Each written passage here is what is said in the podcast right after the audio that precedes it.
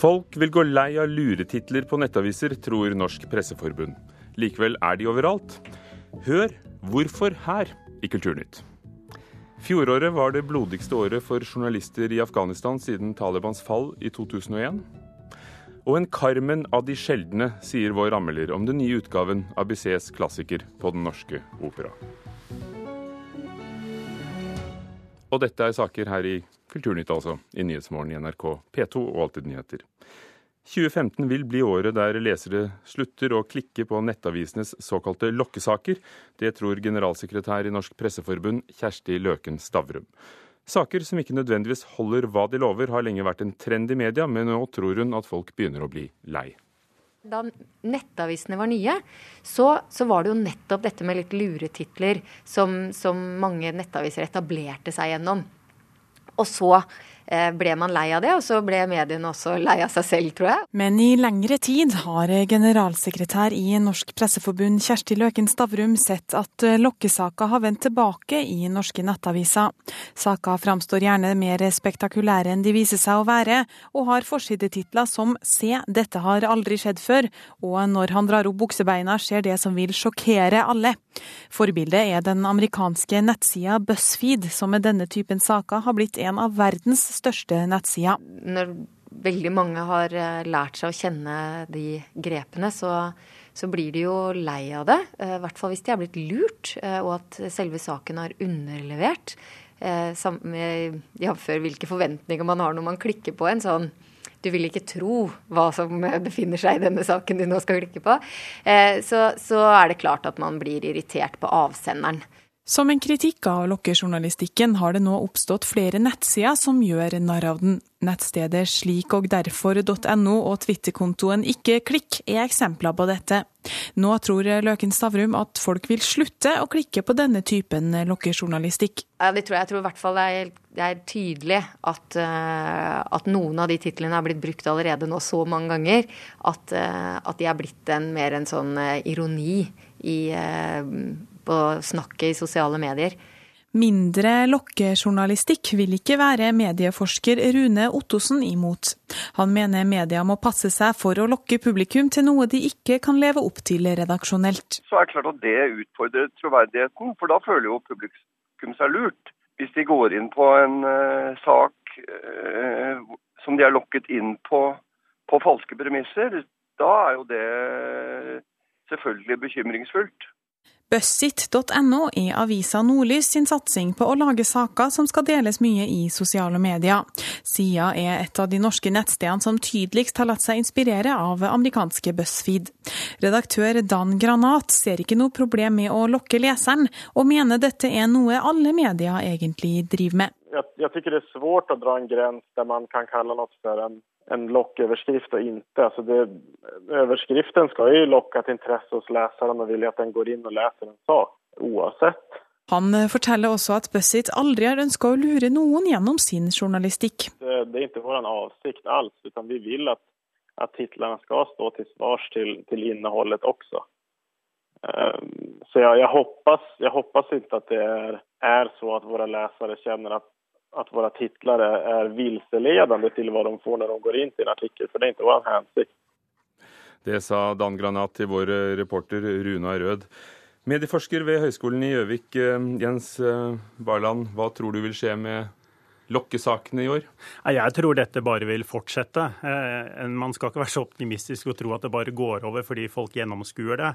Men det vil jo skje forandringer. Det er åpenbart. Jeg tror nok noen trender nå viser det at Eh, flere av de som publiserer slike saker, de skiller dette ut på egne nettsteder, til og med egne selskaper, sånn at de mest utrerte eksemplene eh, ikke blandes inn i de journalistiske områdene. Sånn at eh, det oppstår da flere nettsteder. og ehm, så Sånn sett ser man jo forsøket fra de etablerte mediene på å holde dette fra hverandre, hva som er ren underholdning og rent klikkeri, og hva som er journalistikk. Men samtidig, journalistikken lærer seg å lage trafikk. De lærer seg tittelspråket, og det jeg syns jeg har sett en eh, tendens til når jeg har gått gjennom nå de siste dagers titler og sånt i nettavisene, det er jo at de bruker mange av disse virkemidlene i de vanlige uh, nettavisene. Eh, ikke så utrert, men et snev av det som skaper klikk og trafikk.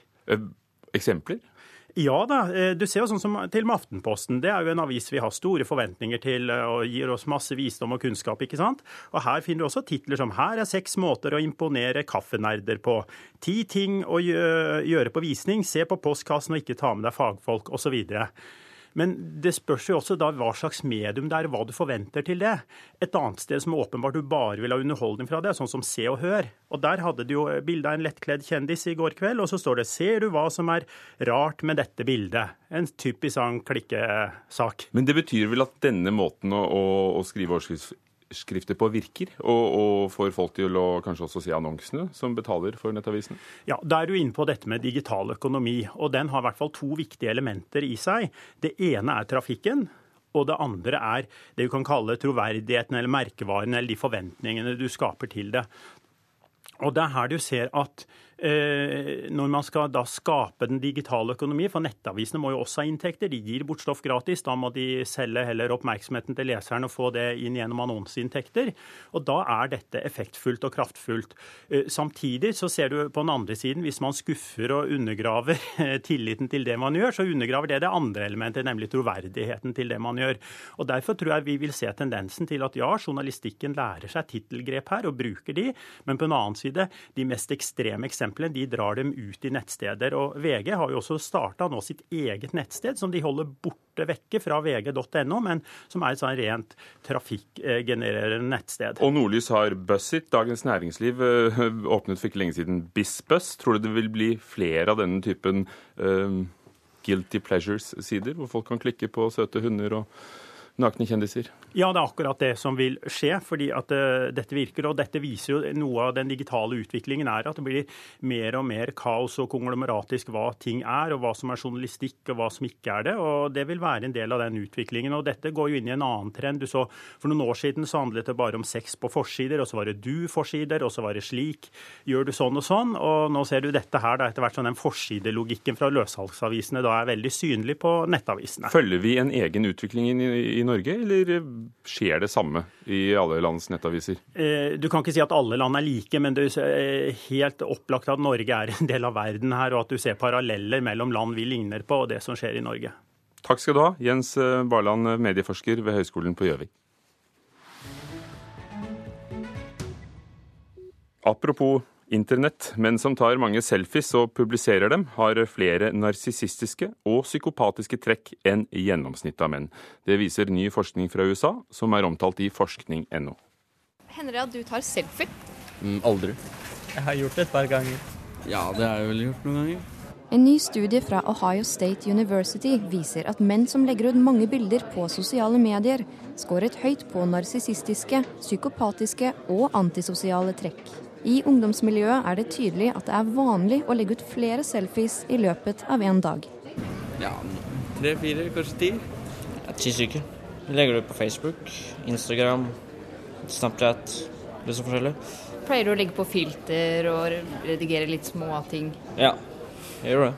For det viser seg nemlig at de som redigerer bildene før de legger dem ut, ikke er relatert til psykopati, men blir knyttet til et høyere nivå av selvobjektivisering. Psykolog Torvald Andersen mener at de som hyppig publiserer selfies, kan ha tegn til manglende impulskontroll. Så den manglende evnen som en del eller som psykopater da har til å ta andres perspektiv, eh, at de poster disse selfiesene for å framheve seg selv og kanskje ikke tenker så mye på hva andre tenker om det de legger ut, både impulsivt og at de eh, har behov for å framheve seg selv uten å tenke over andres reaksjon. Og Andersen har ett råd til alle som legger ut selfies på sosiale medier. Jeg synes det er litt viktig å understreke at folk ikke må selvdiagnostisere seg selv basert på Eller andre, for den saks skyld, basert på en Facebook-profil. Og forskerne i USA antyder at lignende funn også kan gjelde kvinner, men denne undersøkelsen har bare tatt for seg menn, reporter Dina Sofie Espeseth. Landsforeningen for overvektige advarer mot programmet The Biggest Loser, den største taperen, som kommer i norsk versjon på TV Norge i mars. Programmet kan være helsefarlig og legger opp til jojo-slanking, sier foreningens leder Jørgen Foss til Dagbladet i dag.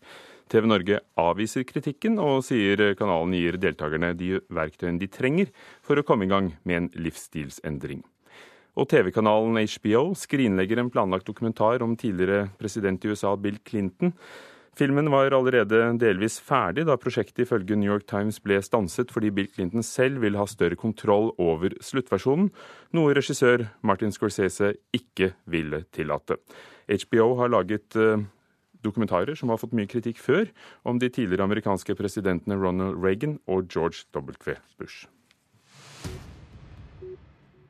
Forholdene for journalister i Afghanistan går fra ille til verst. Det kommer frem når eh, i en ny rapport fra Human Rights Watch fra første halvår i 2013 til første halvår eh, i fjor økte angrep og trusler mot journalister med 66% Og Elisabeth Eide, professor i journalistikk ved Høgskolen i Oslo og Akershus, du har forsket mye på Afghanistan. og Hvilken virkelighet skjuler seg bak disse tallene? Jo, altså Det vi ser eh, for fjoråret, da, ifølge en rapport fra en afghansk NGO som overvåker eh, journalistikken, det er at åtte journalister ble drept i fjor. To eh, utenlandske og seks afghanske. At 125 voldsepisoder fant sted. Og hvis en ser på de siste ti årene, så har det skjedd 450 slike volds- og trusselepisoder mot journalister. 200 av disse skal være begått av myndighetspersoner. Så det er ikke bare Taliban det er snakk om her. Hvis det blir verre nå, betyr det at det hadde vært en bedring? At det så ut til å, å være, om ikke lettere, så mer mulig å, å rapportere? Altså det med Statistikken de siste ti årene viser jo at det har vært ganske ille ganske lenge. Og at journalister utøver betydelig selvsensur fordi de er redde. Altså, Typisk nok så kan en eh, lokaljournalist bli knivstukket og drept uten at noen løfter en finger for å finne ut hvem som har gjort det, eller de kan bli drept i et eh, selvmordsangrep. Men altså det som er virkelig ille, det er at ikke et eneste av disse drapene de siste eh, ti årene har blitt etterforsket. Så det hersker en form for straffrihet mot de som begår forbrytelser mot, afghan eh, mot afghanske og andre journalister. Dette er jo tallene og statistikken, men hva sier dem du kjenner i Afghanistan om, om hvordan det er å, å jobbe, og hvorfor de fortsatt gjør det? Nei, Det er jo fordi de tror på at det skal gå an å utøve sin demokratiske plikt. Og midt oppi dette så sier noen av forklaringene på den økte volden mot journalister det er at de er blitt flinkere, at de er flinkere til å utøve undersøkende journalistikk, f.eks. En av grunnene til det svarte fjoråret kan jo også være at det var valg i Afghanistan. Og Taliban var jo ute etter å sabotere valget, også da de som dekket valget. Eh, men det var jo også myndighetspersoner som gikk til angrep på journalister som ikke støttet deres kandidater. Så det er også noe, en del av bildet. Hvilken anseelse har journalister og, og journalistikk i befolkningen? Er det, er det noen som støtter dem? Ja da, det er det. Altså, de har jo f.eks. en veldig populær TV-kanal, 12 og TV, som mange ser på både pga. nyhetsdekningen og pga. de beste såpeoperaene antagelig. Men eh, det er klart at det er jo også en del journalistikk som bedrives i medier som er eid av krigsherrer og framtredende politikere. Og den er jo ikke alltid like troverdig. Nå trappes uh USAs og Natos tilstedeværelse ned. De skal bare hjelpe Afghanistans politi og, og, og militære. Eh, hvilke forhåpninger og, og hvilken frykt har du i forhold til utviklingen nå? Ja, altså, det, myndighetene, også støttet av eh, utenlandske tropper, har jo vært en del av problemet i forhold til journalistikken, ikke alltid en del av løsningen. Samtidig som eh, noen av eh, de utenlandske statene som står bak styrkene, har støttet f.eks. den organisasjonen som dokumenterer overgrep over journalister. Det som jeg tror er viktig, er at både norske myndigheter og andre myndigheter krever den afghanske, nye afghanske regjeringen tar ansvar for å få slutt på denne straffriheten overfor de som begår overgrep og drap på journalister. For det andre så er jo både Norge og USA og andre involvert i opplæring av hær og politi, og de trenger opplæring også i ytringsfrihet. i eh, eh, pressefrihet, ytringsfrihet generelt. Og for det tredje så tror jeg det er viktig at uh, internasjonale krefter støtter de organisasjonene som forsvarer journalistenes rett til å utøve sitt yrke uten å bli drept eller angrepet eller dengt. Du nevnte den nye regjeringen. Er det noe håp om at den vil gripe fatt i myndighetenes innblanding? De har lovet, eller de har lovet iallfall at de skal verne om eh, journalistikken og pressen, men eh, løfter eh, de kommer lett i Afghanistan, og det er langt tyngre å fylle dem opp. Takk, Elisabeth Eide, professor i journalistikk ved Høgskolen i Oslo og Akershus. Klokken er passert 17 minutter over åtte. Du hører på Nyhetsmorgen i NRK. I Hellas har det venstreradikale partiet Syriza tre dager på seg til å danne regjering etter at de vant valget, men ikke greide å få et flertall alene. Ansatte i Vegvesenet må bruke stikksikre vester etter å ha blitt angrepet med kniv under rutinekontroller. Og et islamistparti i Kurdistan ønsker mulla Krekar velkommen hjem. Og senere i Kulturnytt skal vi høre opera. Men først om film. Både film- og TV-bransjen venter store omveltninger når to stortingsmeldinger kommer til våren. Og oppi dette har den 85 år gamle Produsentforeningen gått sammen med arbeidsgiverorganisasjonen Virke og ansatt ny direktør. Torbjørn Urfjell, velkommen. Takk skal du ha. Hvor mye makt skal TV-produsentene få og ta fra NRK? Ja, Det blir et spennende spørsmål. Nå får vi NRK-meldinga. Det er en av de første sakene jeg skal stupe inn i. Og kulturministeren har vi store forventninger til. Hun har sagt at eh, hun ønsker å ha levekraftige produsentmiljøer òg eh, utafor NRK. Og Da er jo ett spørsmål og stor andel av produksjonene som er i NRK-systemet som skal gjøres her i huset, eller hvor mye som skal gjøres utafor. Og, og hva er svaret deres nei, på det altså spørsmålet? Det, det spørsmålet det skal vi dykke dypere inn i og diskutere med, med, med både medlemmene Dagens våre og Næringsliv skriver senest i dag at uh, opptil 50% halvparten av det som vises på NRK, bør lages av private er produsenter, ja, ifølge i- noen. det er virkeligheten i BBC. Men det som er viktig, er at ikke vi bare diskuterer den prosentsatsen, men at vi òg diskuterer hva skjer med de produksjonene som blir lagd. For hvis det er slik at NRK bare kjøper det inn eh, og har alle rettighetene, så vil jo de sitte med veldig mye av også muligheten til å styre hva slags eh, eller videre livet på dette her. Så det er viktig at også produsentene sitter med rettigheter i etterkant, sånn at eh, man nettopp for det det kulturministeren har sagt hun vil, mer private midler inn til produksjon. Dette, Dere vil lage mer, ha flere rettigheter når det gjelder TV. Mm. Eh, og eh, hva er frykten når det gjelder film? Det kommer en ny stortingsmelding om filmbransjen, og kulturministeren vil ha mer private penger og kutter regjeringens støtte. Ja, Det er forhåpentligvis ikke frykt som preger oss i Virkeprodusentforeningen, men mer eh, muligheter. Vi ser jo at eh, når filmmeldinga nå kommer, så vil det bli en diskusjon om støttenivået til norsk film. Og der vil dere ha støtte. Dere vil ha mer privat i TV-produksjon, men mer, privat, mer offentlig når det gjelder film. Produksjonsmiljøet må samhandle med kulturministeren. Hun ønsker å ha mer private midler inn til produksjon av film. Og det er klart at produsentene de ønsker også å få inn mer private midler. Samtidig som vi ser at eh, alle næringer i Norge er nødt til å samhandle med myndighetene. Eh, Og det kuttet som ble gjort eh, av regjeringa på film tidligere, det merker jo bransjen. Eh, Og det vil være behov for å diskutere både støttenivået til film, men òg ikke minst hvilke rammebetingelser som gjelder for filmproduksjon, i tillegg til den økonomiske støtta. Og da er det jo nyttig at du som ny direktør for Virke Produsentforeningen er gammel politiker fra SV, har vært politisk rådgiver for Erik Solheim, har sittet i bystyret i Kristiansand for SV. Hvor mye av en politisk stilling er dette? Det å lede Virkeprodusentforeningen det er jo både å sikre gode arbeids, eh, arbeidsbetingelser, forhandle tariffavtaler, men det er jo ikke minst en kamp om interesser. Eh, og jeg håper at jeg kan bruke hele min erfaring, og ikke minst alle de eh, rundt 100 medlemmene sin erfaring, for å sørge for at det skal være lettere å drive produksjon av film og TV, og ikke minst spill i Norge. Fordi det var det jeg skulle til å si. Vi vet jo at dere består av film- og TV-produsenter. Og hva, hvor mange av dere lager spill? Ja, det er jo flere i Norge som lager spill, og spill er en voksende næring. Eh, vi organiserer en del av de medlemmene, men vi ønsker flere av de inn i Virkeprodusentforeningen. Eh, og det vi gjør nå, det er jo rett og slett analysere åssen norsk spillbransje ser ut, hvilken betydning den har for Norge. For vi ser jo at spillbransjen er større enn det mange kanskje tror. Den er litt mindre oversiktlig. Eh, og det er jo en av fordelene med å gå inn i Virkefamilien, at en da får et bedre analyseverktøy og system for å nettopp eh, finne ut av det og, og, og, og komme her i studio og diskutere film enda grundigere om et par måneder. En ting du jo kommer til å diskutere, som vi tar opp med jevne mellomrom, for det pågår en sterk lobbykampanje for å få til en såkalt insentivordning, slik at eh, filmproduksjoner eh, får igjen noe på skatten eller moms for å spille inn filmer i Norge. Eh, Er det realistisk å tro at Hollywood vil komme inn hit og spille inn filmene sine, når mange andre land har sånne avtaler og kanskje har et lavere kostnadsnivå fra før av? Det som i hvert fall eh, vi må få slutt på, det er at eh, man lar være å komme til Norge fordi vi ikke har det samme regelverket som man har i andre land. Eh, Og det er jo slik at Veldig mange gode historier venter på å bli fortalt. De har kanskje et utgangspunkt i Norge. Og det kan ikke være slik at historier som har et utgangspunkt i Norge og bør bli fortalt fra Norge, fortelles fra andre steder fordi vi ikke har de samme vilkårene som andre land. Så det vil du jobbe for? Absolutt. Takk skal du ha, Torbjørn Urfjell, som altså blir ny direktør i Virke Produsentforeningen.